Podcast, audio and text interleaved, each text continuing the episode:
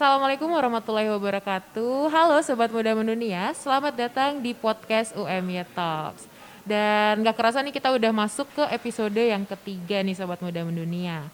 Masih bersama dengan saya Aisyah Wahdania, kita akan berbincang-bincang mengenai isu-isu terkini dan juga mengulik informasi terkait Universitas Muhammadiyah Yogyakarta pastinya dengan narasumber yang kompeten.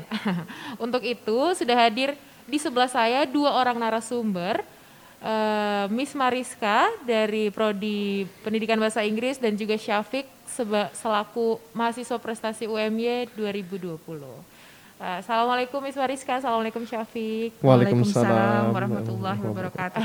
Gimana nih kabarnya, Miss? Alhamdulillah baik. Syafiq sehat ya? Sehat, alhamdulillah. alhamdulillah. Nah, untuk episode ketiga ini kita akan berbincang-bincang tentang online learning nih. Dan pastinya kalau kita kulik ke belakang, online learning ini sebenarnya kan sudah ada sejak lama nih. Tapi baru-baru ini boomingnya karena uh, keadaan pandemi juga yang memaksa kita kan Miss ya untuk uh, apa namanya uh, terbiasa dengan uh, kegiatan bela belajar tapi secara tatap maya atau secara daring. Nah, kalau Betul. dari sudut pandang Miss Mariska sebagai tenaga pengajar, ini uh, ada nggak sih Miss tantangan-tantangan yang Miss Mariska rasakan atau mungkin teman-teman dosen rasakan selama uh, melakukan metode online learning ini? Oke, okay. uh, terkait tantangan. Nah sebelum saya ke tantangan ya Mbak, mm -mm. tadi menarik nih Mbak Aisyah kan tadi sebutkan bahwa online learning ini sebenarnya sudah lama sudah ada. lama ada, uh -uh. iya. Tetapi belum muncul muncul ke permukaan begitu, uh -uh. belum belum ngetren gitu ya. yeah. Nah, dan e, ternyata justru karena ada pandemi ini, ini jadi kayak pandemi itu sebagai akselerator gitu. Hmm. Jadi e, dia terus karena apa? Semua orang itu dipaksa, ya kan? Agak gitu dalam tanda kutip dipaksa untuk menggunakan online learning, melakukan hmm. online learning.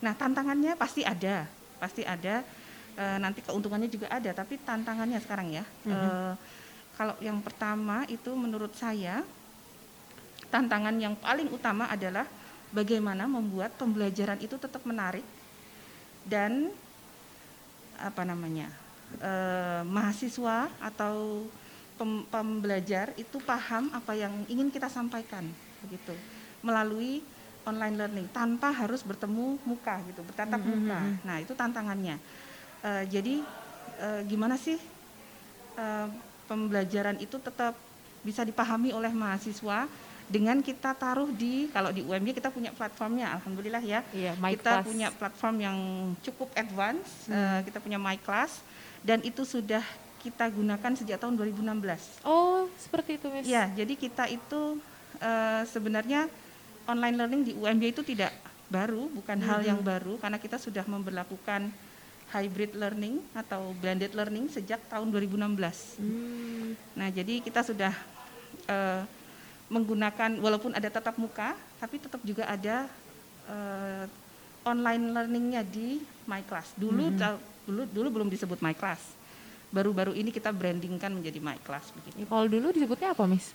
Kalau dulu kita sebut e-learning gitu aja. Jadi oh. pembelajaran menggunakan e-learning e begitu. iya. Gitu ya, Tapi ya itu uh, kita sudah dari tahun 2016. Jadi um, ketika pandemi ini itu tadi uh, yang mungkin belum semua melakukan sekarang akhirnya semua dipaksa untuk mm -mm. dalam tanda kutip itu untuk menggunakan. Iya, gitu. berarti kayak uh, yang tadinya tidak melek teknologi kita harus ini ya lebih hmm. terbuka lagi matanya ya. terhadap teknologi. Nah, jadi hmm. uh, tantangannya adalah uh, itu tadi membuat materi mbak. Nah hmm, menyiapkan materi itu mungkin akan membutuhkan waktu yang lebih banyak ketimbang ketika kita mengajar offline gitu. Hmm. Ketika kita mengajar offline misalnya kita akan pastinya tentu tetap menyiapkan materi ya, uh, membuat powerpoint. Kemudian nanti tinggal kita uh, jelaskan di depan kelas. Nah, tetapi ketika itu pembelajaran daring, apalagi sekarang ini fully dar, fully online gitu ya, uh, walaupun di UMY ada offline-nya, tapi kan tidak tidak porsinya tidak begitu banyak juga. Nah, itu kita tantangannya adalah bagaimana membuat pembelajaran yang kita buat di my class itu bisa ditangkap oleh ma mahasiswa, bisa dipahami begitu. Hmm, seperti itu, Miss. Kalau dari uh, itu kan tadi dari tantangannya, Miss. Lalu hmm. Ada nggak sih, Miss, keuntungan-keuntungannya dari dengan adanya online learning ini? Keuntungannya banyak seharusnya.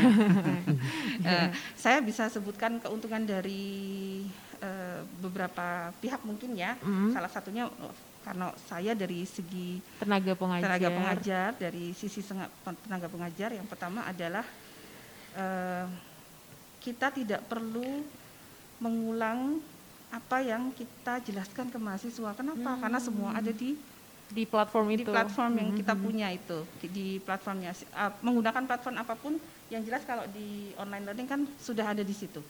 Dan itu bisa diakses mahasiswa 24 jam tujuh hari dalam seminggu begitu. Jadi setiap saat bisa di bisa diakses. Jadi ketika mungkin mahasiswa sekali itu tidak paham, dia bisa mengulang lagi dan mengulang lagi. Nah itu juga merupakan keuntungan untuk mahasiswa, mahasiswa juga. Iya. Mereka bisa mengakses di mana pun dan kapan pun. Nah e, begitu juga dosen dalam menyiapkan materi itu juga bisa kapan pun dan di mana pun. Yang penting ketika bisa diakses itu e, bisa di eh, yang penting ketika diperlukan itu sudah bisa diakses hmm, begitu. Berarti kita bisa nge-review lagi ya Miss istilahnya. Ya, betul. Hmm, itu tadi kalau dari sudut pandang tenaga pengajar nih. Nah, ini kalau hmm. dari sudut pandang mahasiswa kita barengan sama Syafiq. Syafiq kalau boleh tahu sekarang semester berapa? Sekarang alhamdulillah semester 7. semester akhir. berarti sempat ngerasain yang full offline berarti sempat ngerasain juga yang online itu ya. Benar banget, Mbak. Hmm. Kalau dari Syafiq sendiri nih, perbedaan apa aja sih Fik yang kamu rasakan selama kuliah online ini dan kamu hmm. lebih suka yang mana? Yang online atau yang offline? Oke, mungkin tadi sudah disampaikan juga ya sama Miss Mariska terkait tentang keuntungan, kemudian tantangan dan lain sebagainya. Kalau misalnya kita bilang tentang perbedaan tentu, tentu. Jadi saya menjelaskan tentang kuliah daring atau kuliah online itu dari segi dua perspektif atau dua pandangan. Hmm yang pertama adalah dari segi teknis. Yang kedua adalah segi, segi hakikat. Kalau misalnya dari segi teknis benar-benar signifikan perbedaannya. Yang semulanya kita bertatap muka, Betul. bertemu dengan dosen, bertemu dengan teman ataupun bertemu dengan gebetan mungkin ya. kalau di kelas, Waduh. tapi kalau kalau menggunakan uh, platform online ini secara secara teknis tadi pasti berbeda. Yang tadinya sudah saya sebutkan di kelas kita harus menggunakan Zoom ataupun platform lainnya. Jadinya ya secara teknis kita benar-benar kalau misalnya kita keluar negeri itu ada namanya culture shock dan di platform kuliah online ini kita juga mungkin punya culture shocknya yang tersendiri mm -hmm, kayak gitu. Pastinya. Nah, terus untuk segi hakikat menurut saya tetap sama. Hakikatnya adalah tetap ada transfer ilmu dari tenaga pengajar ke yang diajarkan. Hmm. Jadi sebenarnya kalau misalnya mahasiswa itu bisa memahami hakikat daripada belajar secara online ini, maka nanti ilmu-ilmunya akan tetap tersampaikan. Tapi yang jadi permasalahan itu ketika kita di rumah itu kan kadang-kadang uh, mungkin orang tua lagi ada kerjaan dan lain sebagainya. Jadi kita benar-benar nggak bisa concern on pelajaran yang yeah. diberikan itu. Jadinya mungkin dari segi teknis dan segi hakikat tadi itu secara teknis berbeda, tapi untuk secara hakikatnya tetap sama seperti itu. Hmm, itu tadi kalau uh, tentang online sama offline, kamu sendiri lebih suka yang mana, Syafiq? Dalam satu sisi, eh, oke. Okay.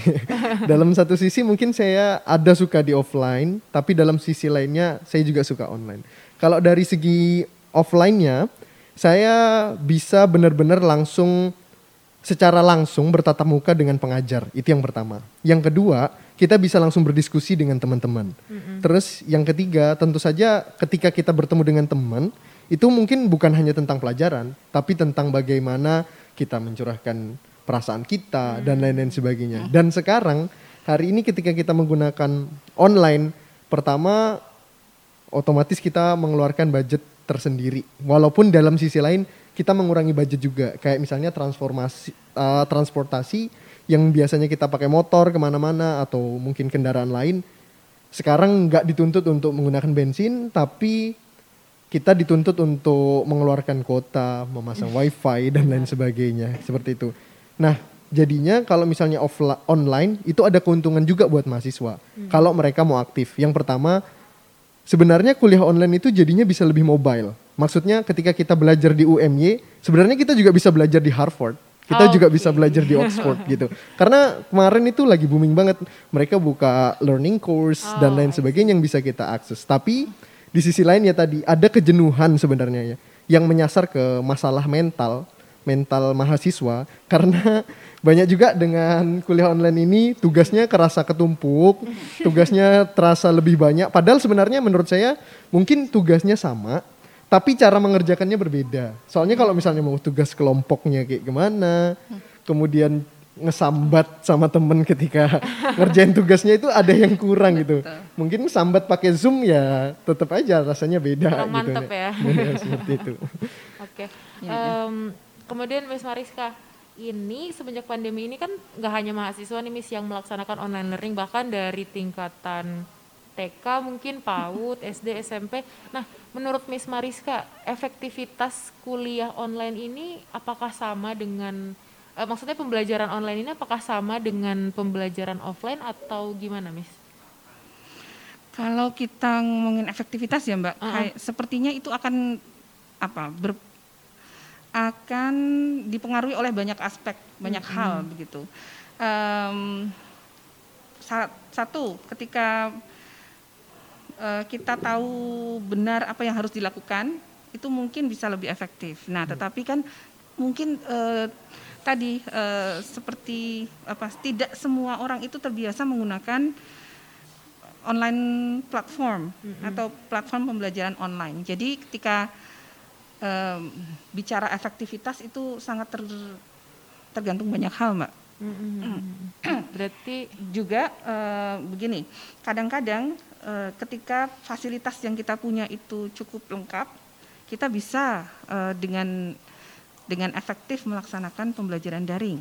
Nah, tetapi ketika e, fasilitasnya itu terbatas, nah mungkin mungkin itu akan menurunkan juga efektivitasnya. Jadi banyak banyak hal yang bisa mempengaruhi. Hmm, nah, salah satunya juga motivasi tadi terkait apa yang disebut Syafiq.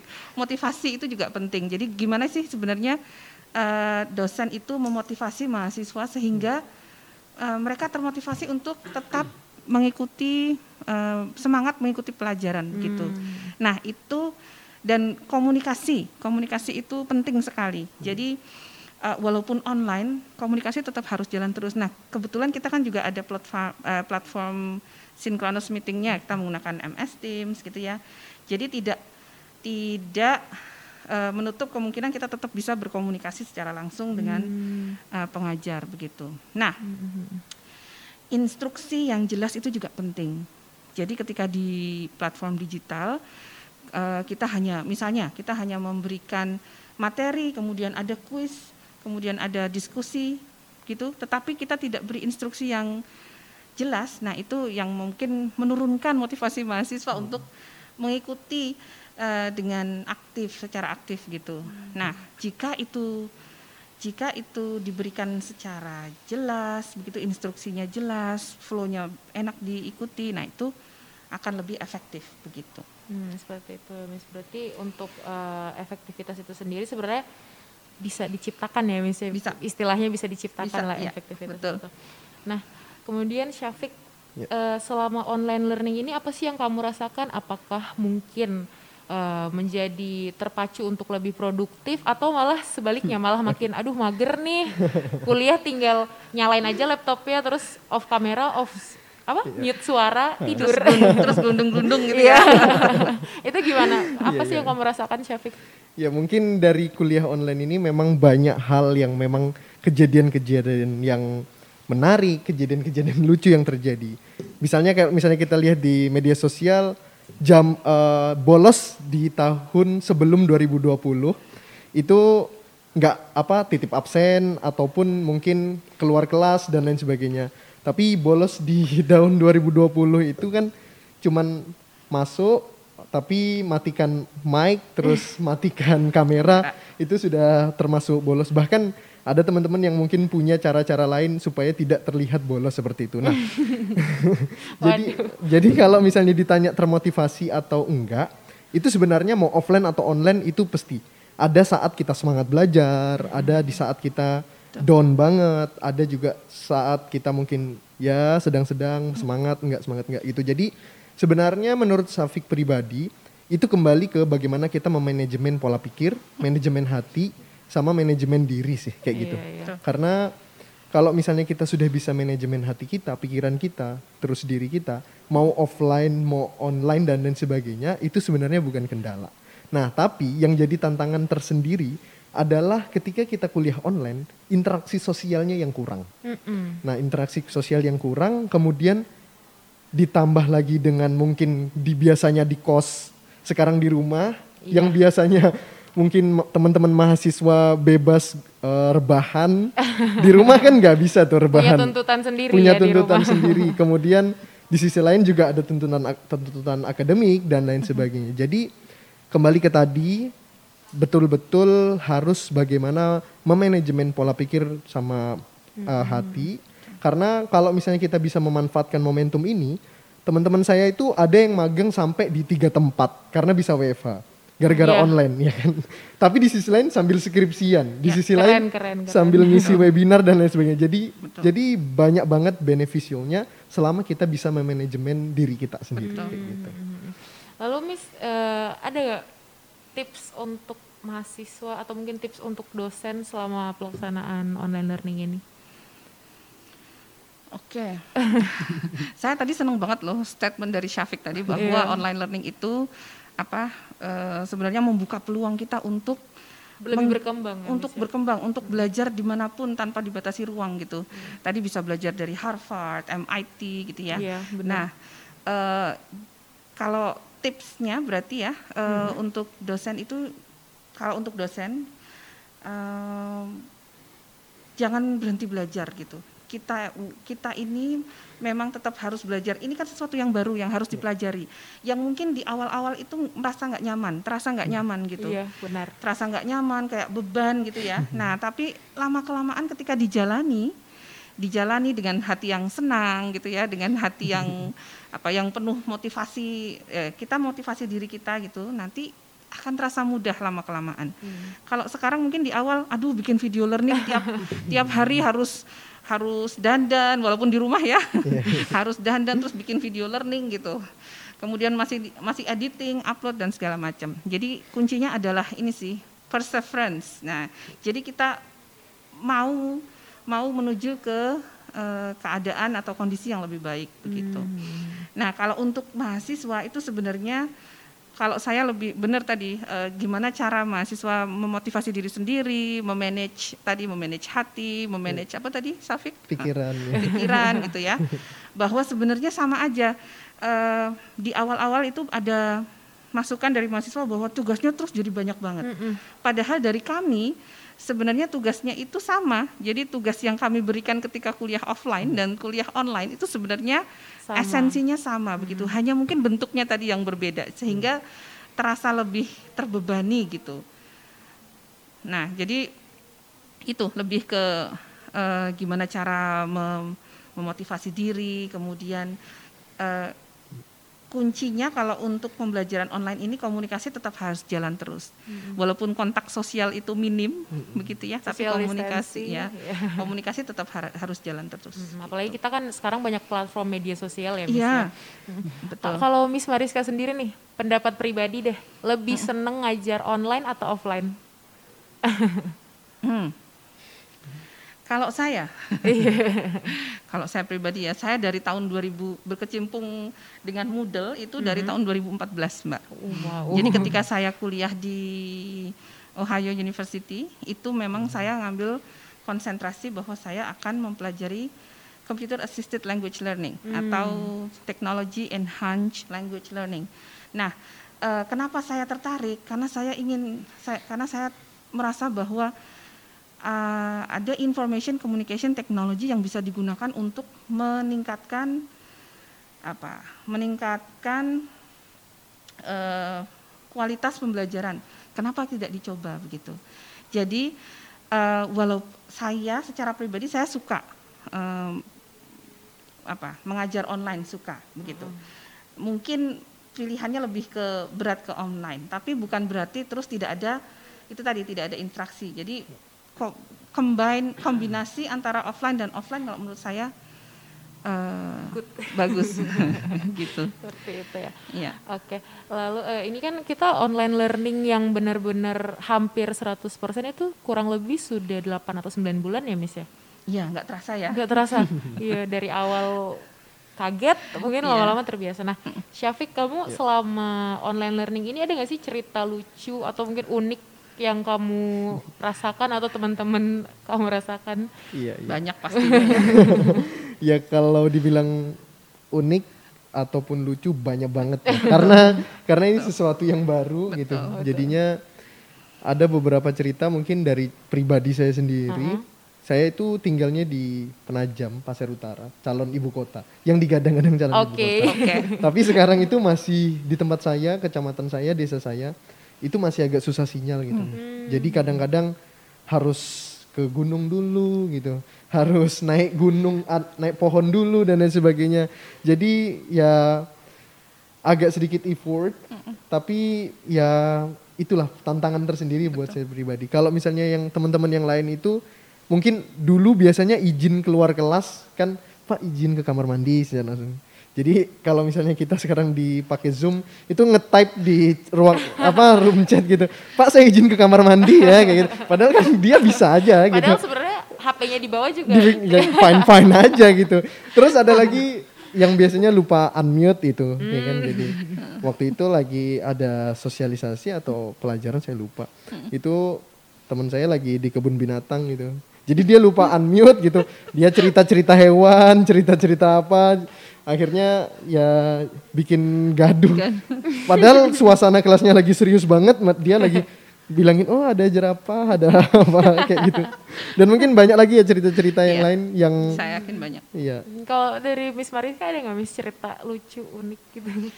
Uh, kalau saya di awal mungkin di awal di pandemik awal. Uh, di awal apa kuliah dari rumah itu. Mm -hmm. uh, jadi semua kan berarti kerja di rumah ya, iya. sekolah di rumah. Jadi saya tuh punya dua putra, putri, hmm. satu putra, satu putri. Yang kelas berapa mis? Yang besar itu kelas 4 SD.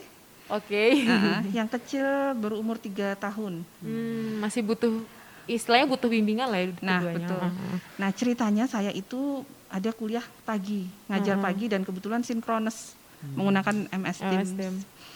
Nah, uh, karena waktu itu di rumah, hmm. saya sudah sudah pesankan nih ke kakaknya, Mas nanti nanti Mas Rafa sama Dek Farah belajar eh apa main di luar ya, Bunda mau ngajar gitu. Hmm.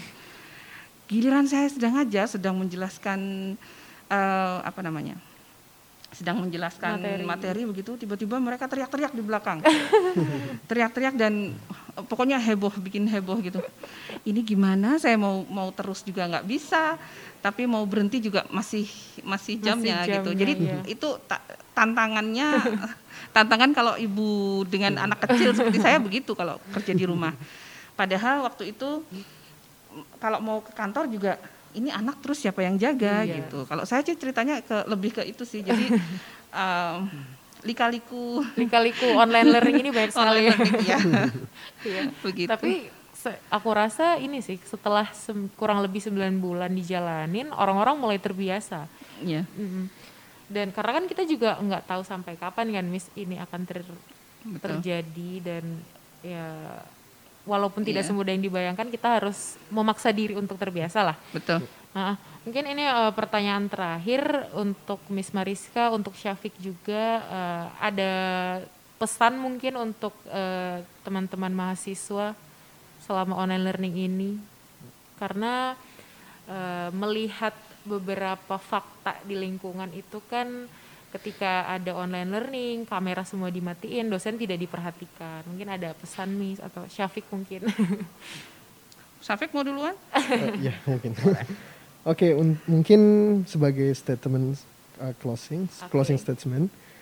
Menurut saya pribadi uh, sebagai anak muda hari ini karena teman-teman mahasiswa semuanya yakin masih anak muda ya mungkin tua-tuanya 25 tahun.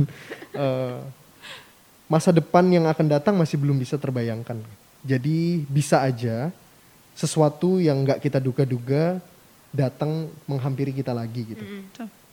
Dan sebagai anak muda di abad 21 ini ada skill yang harus kita pahami, yang harus kita punya, yaitu 4C, uh, critical thinking, creativity, communications, and uh, critical thinking, creativity, communication, uh, saya satunya lupa gitu.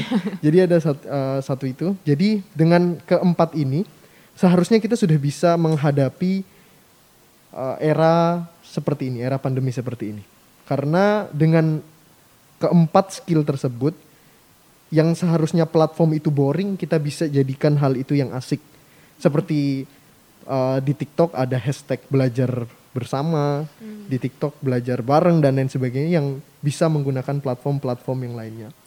Yang kedua adalah kita harus paham terkait kata-kata Nelson Mandela bahwasanya education is the best weapon to change the futures gitu. Jadi pendidikan itu senjata yang paling ampuh untuk mengubah masa depan. Jadi kembali yang seperti statement saya yang di awal bahwasanya teknis boleh berbeda, tapi secara hakikat tetap harus sama. Bahwasanya belajar menuntut ilmu adalah untuk menghilangkan kebodohan dari kita dan juga untuk mengubah masa depan. Dan yang terakhir, jadi anak muda harus resistance. Maksudnya apa pun tantangannya, apa pun yang terjadi, kita harus bisa kuat, kita harus bisa kasih inovasi, kita harus bisa kolaborasi ya saya ingat sekarang porsi yang satunya tadi adalah kolaborasi. ya kita bisa kolaborasi bangun elemen baik dari mahasiswa ke masyarakat dan lain sebagainya. Bukan saatnya untuk kita ngeluh karena kalau anak mudanya ngeluh nanti orang-orang tua yang sudah sepuh anak-anak yang belum bisa mikir kayak mana dong? Kita nih kuncinya. Kita ini adalah gerbong untuk memperbaiki bangsa kita dan juga memperbaiki masa depan diri kita dan uh, bangsa dan negara. Mungkin itu aja. Terima kasih. Kalau Miss Mariska? Wow, luar biasa. Kalau kalau semua anak muda seperti Syafiq ini, senang sekali. Uh, saya setuju sekali apa yang dikatakan Syafiq uh, bahwa kalau anak mudanya harus seperti itu, nah uh, itu bisa memberikan eh kalau anak mudanya seperti itu tadi ya uh, yang mengedepankan forsi tadi ya uh -huh. dan uh, itu bisa juga memberikan motivasi kepada kami. Jadi begini, yeah, yeah, yeah. Uh, tugas kami sebagai pendidik, mm-hmm. itu kebalikannya ya. uh, tugas kami sebagai pendidik itu kan memang untuk memberikan uh, apa ya modal supaya mahasiswa itu nantinya bisa berkembang sendiri gitu. Mm-hmm. Uh, sebenarnya kami itu kan memberikan trigger yang uh, apa yang bisa membuat mahasiswa itu mau belajar secara mandiri. Jadi sebenarnya uh, yang penting itu adalah menanamkan gimana sih mahasiswa itu bisa menjadi pembelajar mandiri atau mm-hmm. autonomous learner. Begitu. Nah, dengan dengan adanya pandemi ini di mana kita uh, harus melakukan pembelajaran secara daring, itu sebenarnya kita bisa menggunakannya untuk meningkatkan tadi uh, gimana caranya membuat um, apa memberikan awareness kepada mahasiswa supaya mereka itu lebih uh, bisa menjadi pembelajar yang mandiri, mandiri atau autonomous learner. Mereka bisa bertanggung jawab terhadap pengajaran eh, pembelajaran mereka sendiri. Jadi tanggung jawab untuk belajar itu tidak hanya ada pada dosen yang mengajar, tetapi juga mahasiswa yang belajar begitu. Nah, um, so uh, untuk untuk para pengajar mari kita ini kita apa tingkatkan itu tadi um, awareness supaya mahasiswa itu bisa menjadi autonomous learner. Nah untuk uh, mahasiswa seperti Syafiq, nah be autonomous learners. Kalian bisa belajar di mana pun iya, dan benar. kapan pun tanpa tanpa dibatasi ruang dan waktu um, dan bertanggung jawab terhadap itu tadi proses pembelajaran kalian sendiri begitu. Mm -hmm. Oke, mungkin uh, Syafiq, Miss Mariska terima kasih waktunya. Pertemuan kita sayang sekali harus terbatas oleh waktu. Oke, terima kasih juga Sobat Muda Mendunia yang sudah mendengarkan dan menyaksikan. Semoga apa yang disampaikan oleh kedua narasumber kita bisa uh, menjadi sebuah manfaat ya. Dan jangan lupa walaupun sekarang kita uh, sedang menghadapi pandemi, kita sedang uh, berkuliah atau belajar secara online kita harus tetap semangat dan seperti yang tadi Miss Mariska bilang kita harus uh, menjadi uh, pembelajar yang mandiri dan kita harus pintar-pintar memanajemen hati, memanajemen diri kita seperti yang tadi disampaikan oleh Syafiq. Dan akhir kata saya ucapkan terima kasih. Wabillahi taufiq wal hidayah. Wassalamualaikum warahmatullahi wabarakatuh. Sampai jumpa di episode selanjutnya.